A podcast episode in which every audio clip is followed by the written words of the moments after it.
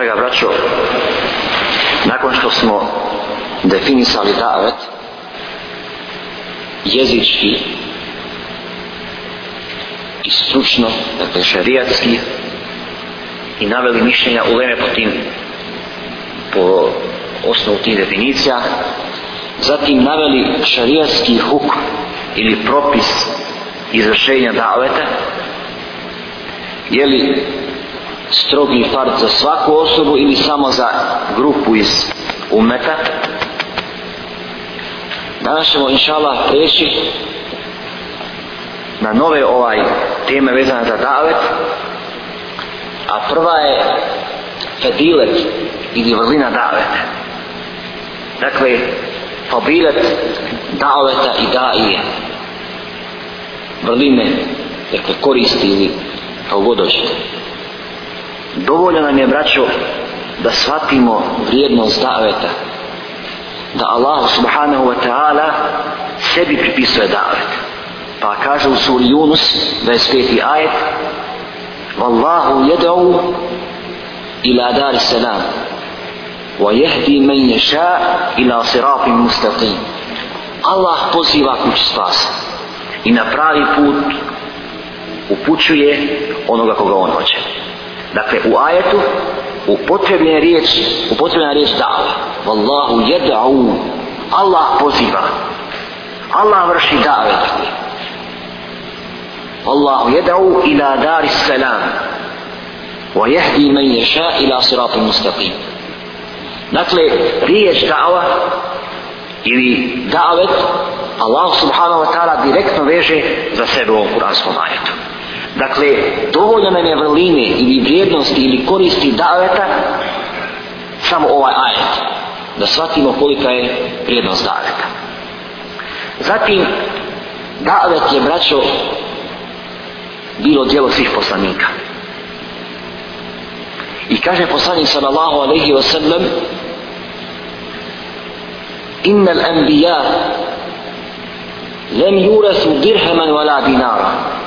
ولكن وإنما ورث العلم ورث العلم فمن أخذه أخذ بحظ وافر poslanici ne ostavljaju u miras ni dirheme, ni dinar, ni zlatnike, ni, ni, ni srebro.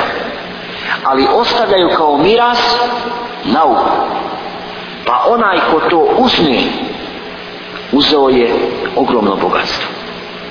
Dakle, oni koji vrše davet, dakle učeni, daje, oni braćo uzimaju e, na nasljedstvo od poslanika. Zato kaže poslanik sallallahu alejhi ve selleme: "El ulama warasatu al-anbiya." Ulema su nazvanci poslanika, to jest nasljeđuju i u nauci i u ulozi koju su oni imali kaže Allah Jelle Jelalu vaj'alna minhum a'imma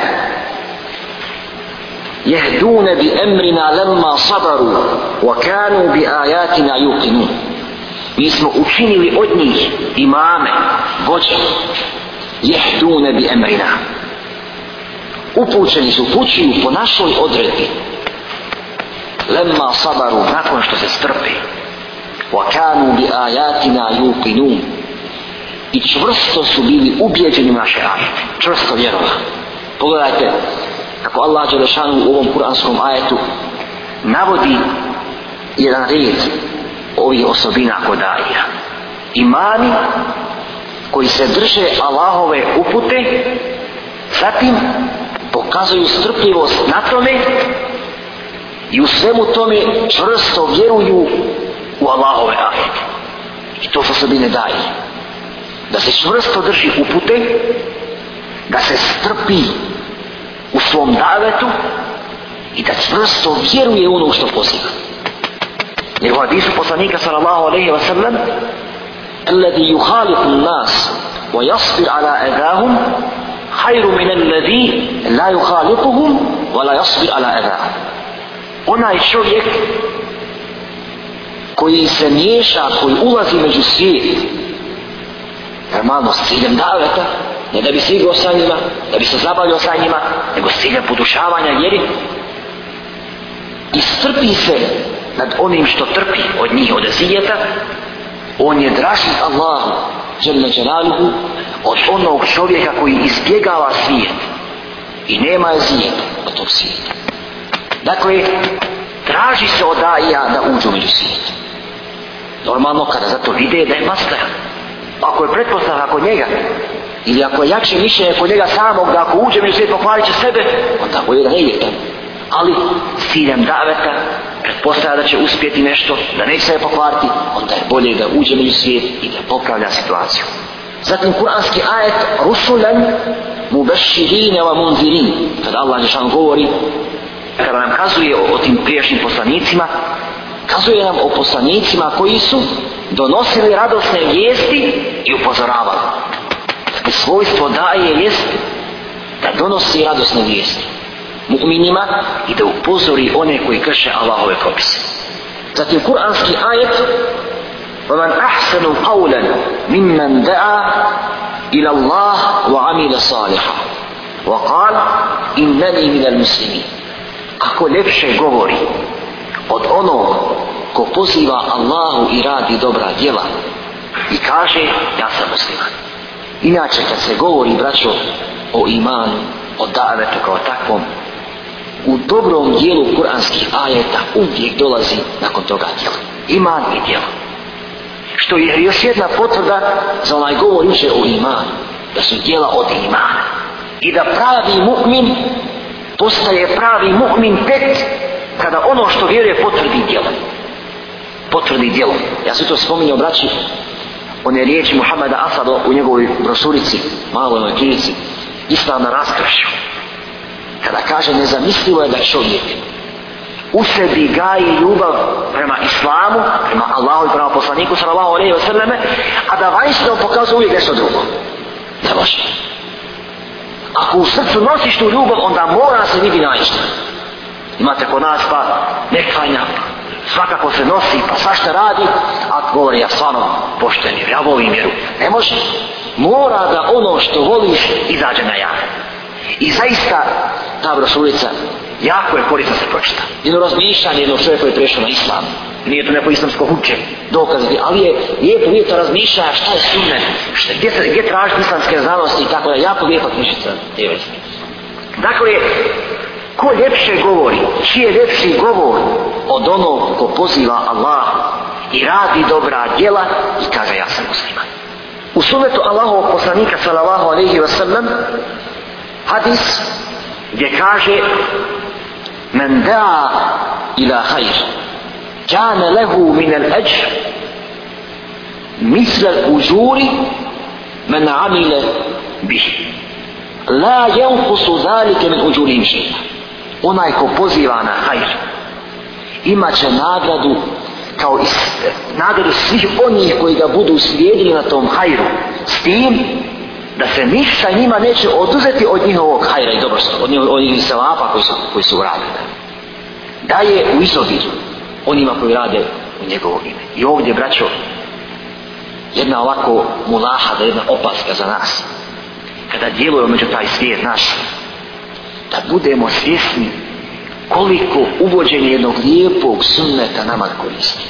I suprotno, ومن دعا إلى ضلالة كان عليه من الإثم مثل الآثام من عمل به لا ينقص ذلك من آثام شيء Ako bude pozivao u dalalet, u griješenje, imaće na svoja leđa grijehe svih onih koji budu radili po tom njegovom grijehu, po njegovom dalavetu. S tim da se njima neće ništa umanjiti od njihovog griješenja.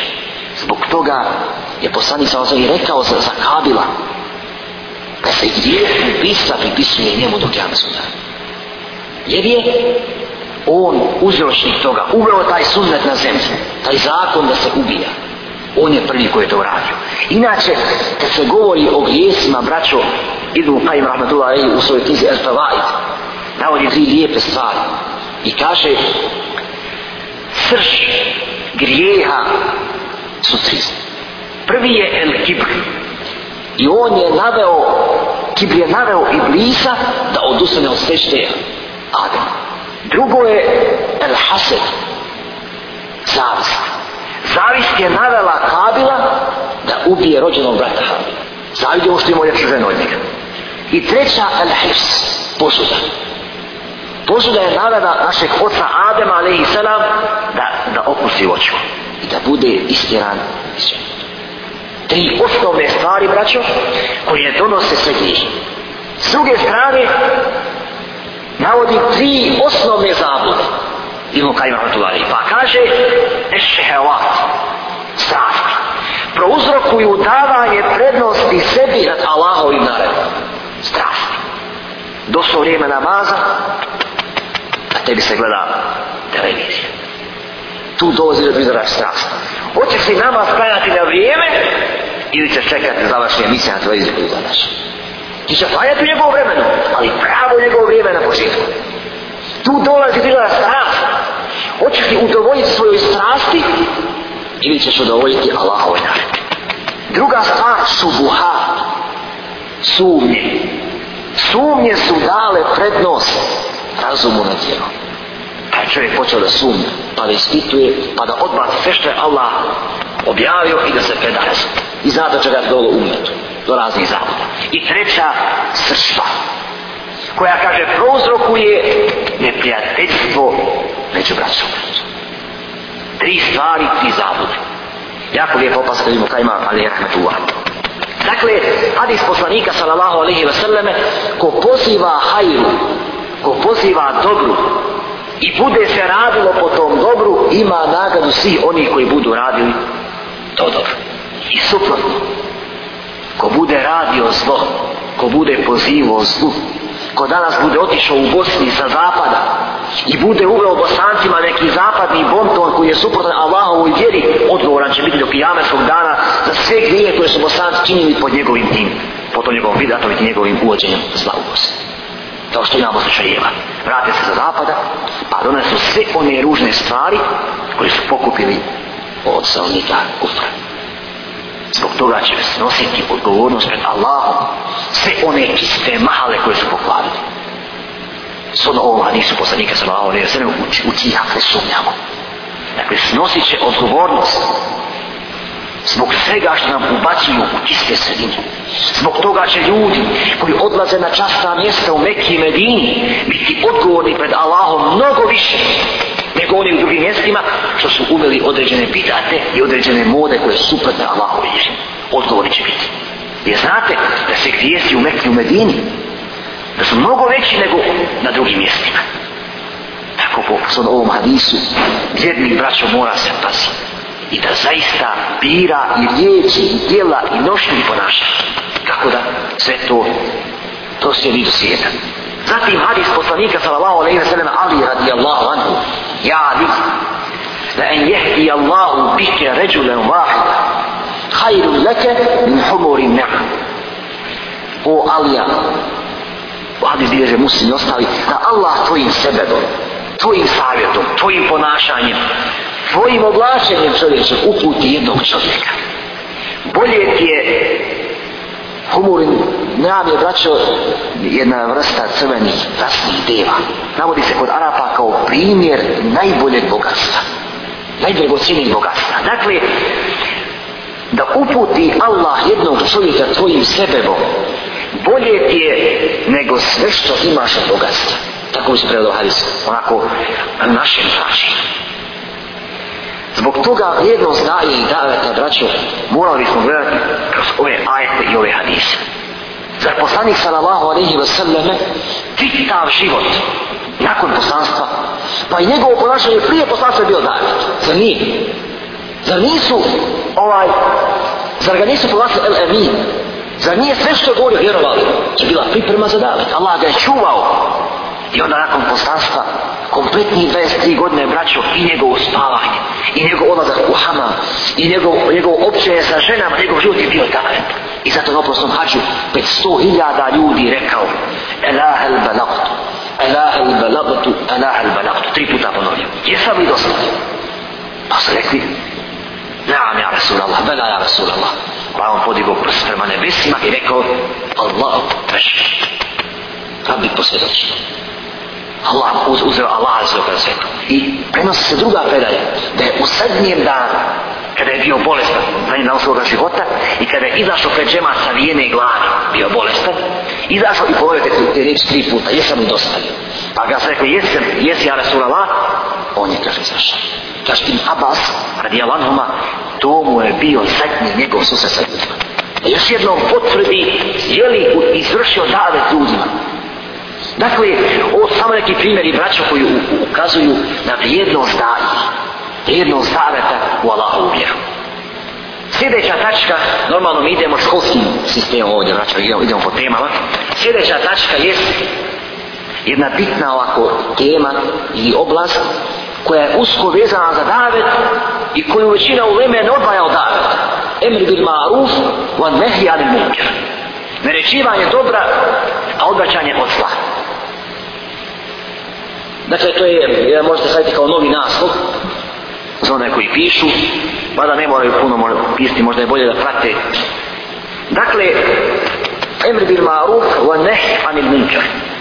Islamski umet od vremena poslanika sallallahu alejhi ve sellem kroz period ashaba tabina i generacija nakon njih uvijek je poznavao skupine poznavao je skupine koje su ekstra vodile računa o primjeni Allahove vjeri upozoravale, kontrolisale nekada su bili sami halife Omer radi Allahu anhu izlazio je po Medini, po Čarši po naseljima gledao koliko se njegovo stado pridržava Islama šta im je potrebno i tako dalje Dakle, natirao se u ime Allaha.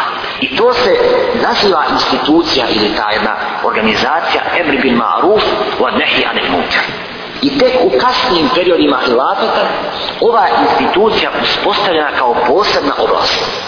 U prvim svećima Islama nisi imao razlike među fika, hadisa, tefsira, dave, istorije. Nimao, to je sve, bilo, sve u jednom skopu.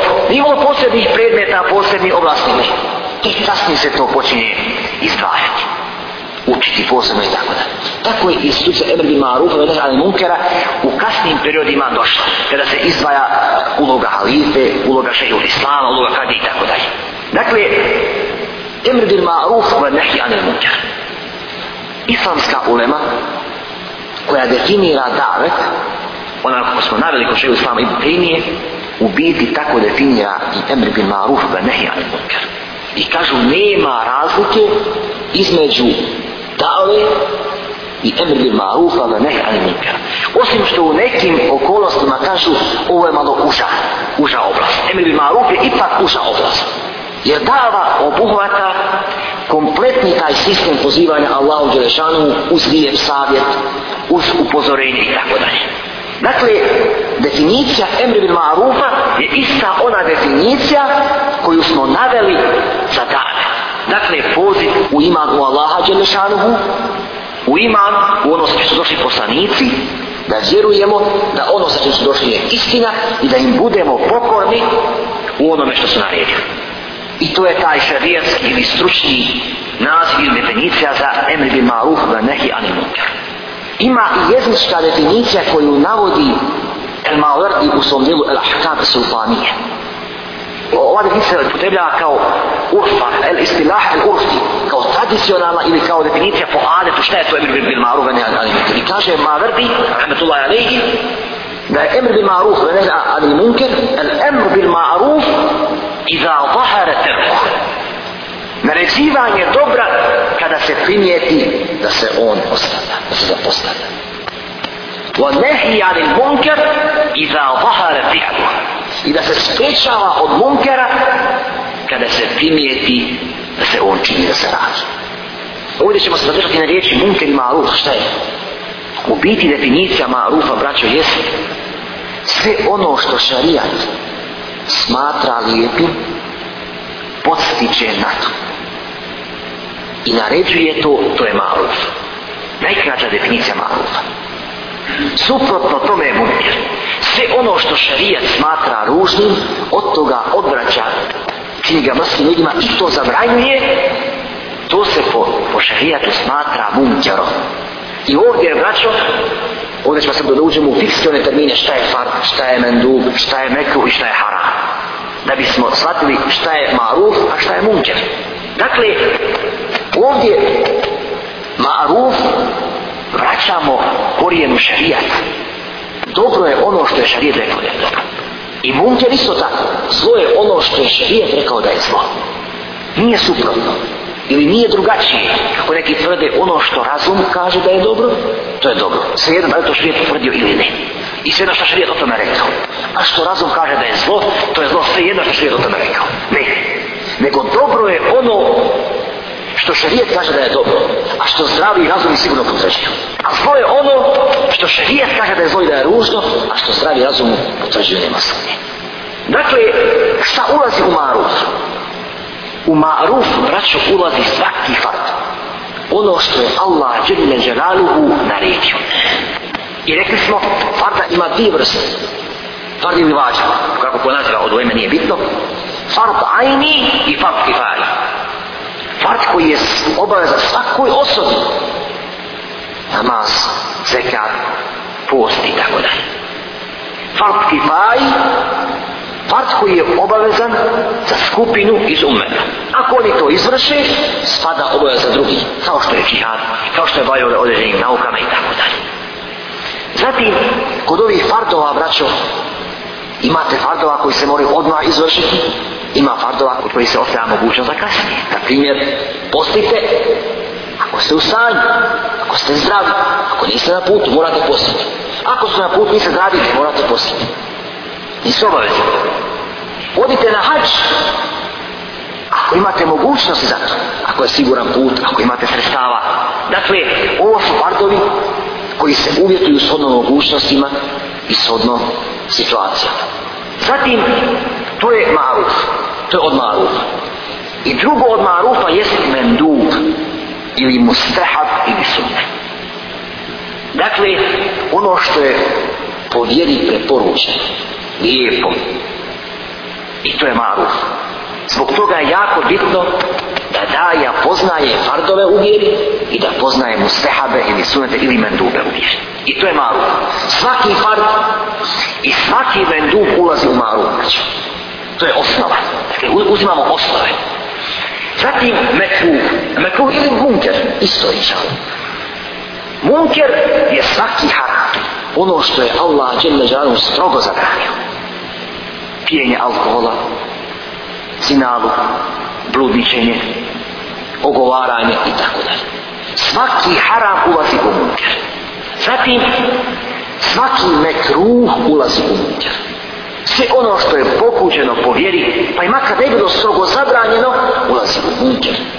Jer odista oba mu nari, mi mu sastvari šerf.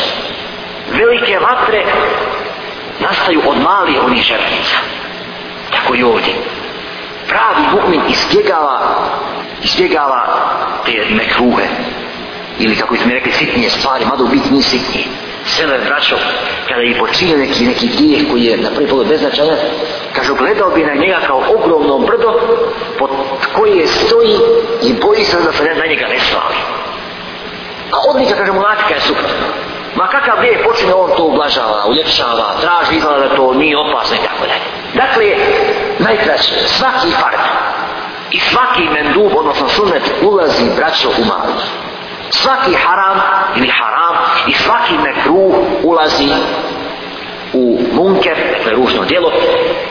Lijepo možda ukazati na tu podjelu mekruha kod određene uleme, pogotovo kod nebijske uleme, da ima mekruh i kraje tahrimije i, i kraje tenzihije. Dakle, mekruh koji je blizak haram i mekruh koji je blaž, koji nije puno žestok i tako. Dakle, osnovno je to.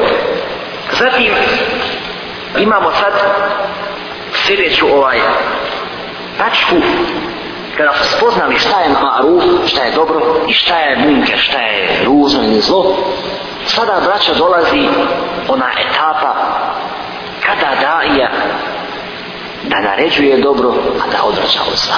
Dakle, stepeni promjene zla. Možemo tako nazvati. Sljedeću tačku. Stepeni ili etape promjene zla. Zla. Ovo je tačka koja zahtjeva drugo, dugo vremena. Ali ćemo, e, obzirom da ne imaš puno ovog desa, samo nabrojati te stepene, pa ćemo, inša Allah, sutra, ili prekos kada bude ovaj sljedeći termin, ući u detalje. Islamska ulema, braćo, je dala pregled ovih stepena i dala je objašnjenje svakog od ovih stepena ili ovih etapa odvraćanja od slaha. Dakle, konkretno sada idemo na odvraćanje od zla. Munker, odvraćanje od munkera. Pa je prvi uslov, ili prva ta etapa da bi se munker osvanjivao, et tarih bil munker. Da znamo šta je munker. Prvo. Dakle, nemoj odvraćati čovjeka, on čini maru, čini ono što je fardin, čini ono što je mustahab. Dakle, odvraćaj ga od onoga što je, što je zlo. Dakle, prva tačka je et tarih bil munker, da znamo šta je munker. Znači, zaista je li to ružno ili nije? Drugo, elva, savjet. Druga tačka, kada saznamo da je munker, da neko radi, dolazi etapa savjeta. Treća etapa, ili treća, treći taj stepen jeste, et takri u etani. Dakle, žestoko, žestoki ukor. Da ga žestoko ukoriš, da u tvom liku primijeti srčnu i tvoje nezadovoljstvo s onim što radi. Poslanik sallallahu alaihi wa sallam, kada bi neko radio mnuđer, odmah mu se primjećio petu na mesu. Zacrvenio bi i pokazali bi mu se vijena grudu. Ovdje. Dobro bi porumenio. Odmah kad bi se nešto rado što nije po Allahovu djelište, da što je munke, odmah se bi primjetilo na njegovoj, na njegovom licu. Tako i mi. Ima etapa nakon savjeta da se žestoko ukori onaj ko radi taj munker. Četvrta stvar, etavljir bil jedin promjena tog munkera ili sprečavanje tog munkera rukom. Silom. I sada kako ćemo vidjeti ko to treba da uradi tako da. Dakle, četvrta ta etapa je promjena munkera silom. Peta etapa je tehdid bima jakadar alihi. Da zaprijeti shodno onim mogućnostima koje on raspolaže. Dužan si dakle da priprijetiš svojoj ženi, svom djetetu, svom radniku ako si u firmi, svom podaniku ako si vlada i tako dalje. Ako si predsjednik, onda policijom priprijetiš zakonom, ako si samo, ako ima samo vlast nad porodicom na djecom, onda Boga mi ženi i djeci i tako dalje. Dakle, na, priprijetiš onome nad kim imaš vlast i nad kim osjećaš da može tvoja pretnja da koristi. Šesta stepenica jeste ebar i gajr i silah. Udarac, ali ne oružje. Dakle, čine. Šako. Lice. Ne dakle, oružje. Ne volite odmarati. To je šesta etapa. I zadnja forma. Normalno, vidjet ćemo da ove etape, neke su za pojedince, neke su za žemat, neke su za izlasku državu. Nisu ove etape sve za jednog čovjeka, jednog daju, ne. Nego imamo neke etape koje su za, za nas kao pojedince neke koje su danas kao džemat u našem užem smislu, a Boga mi neke koje su isključivo za halifu, za islamskog vladara i tako dalje.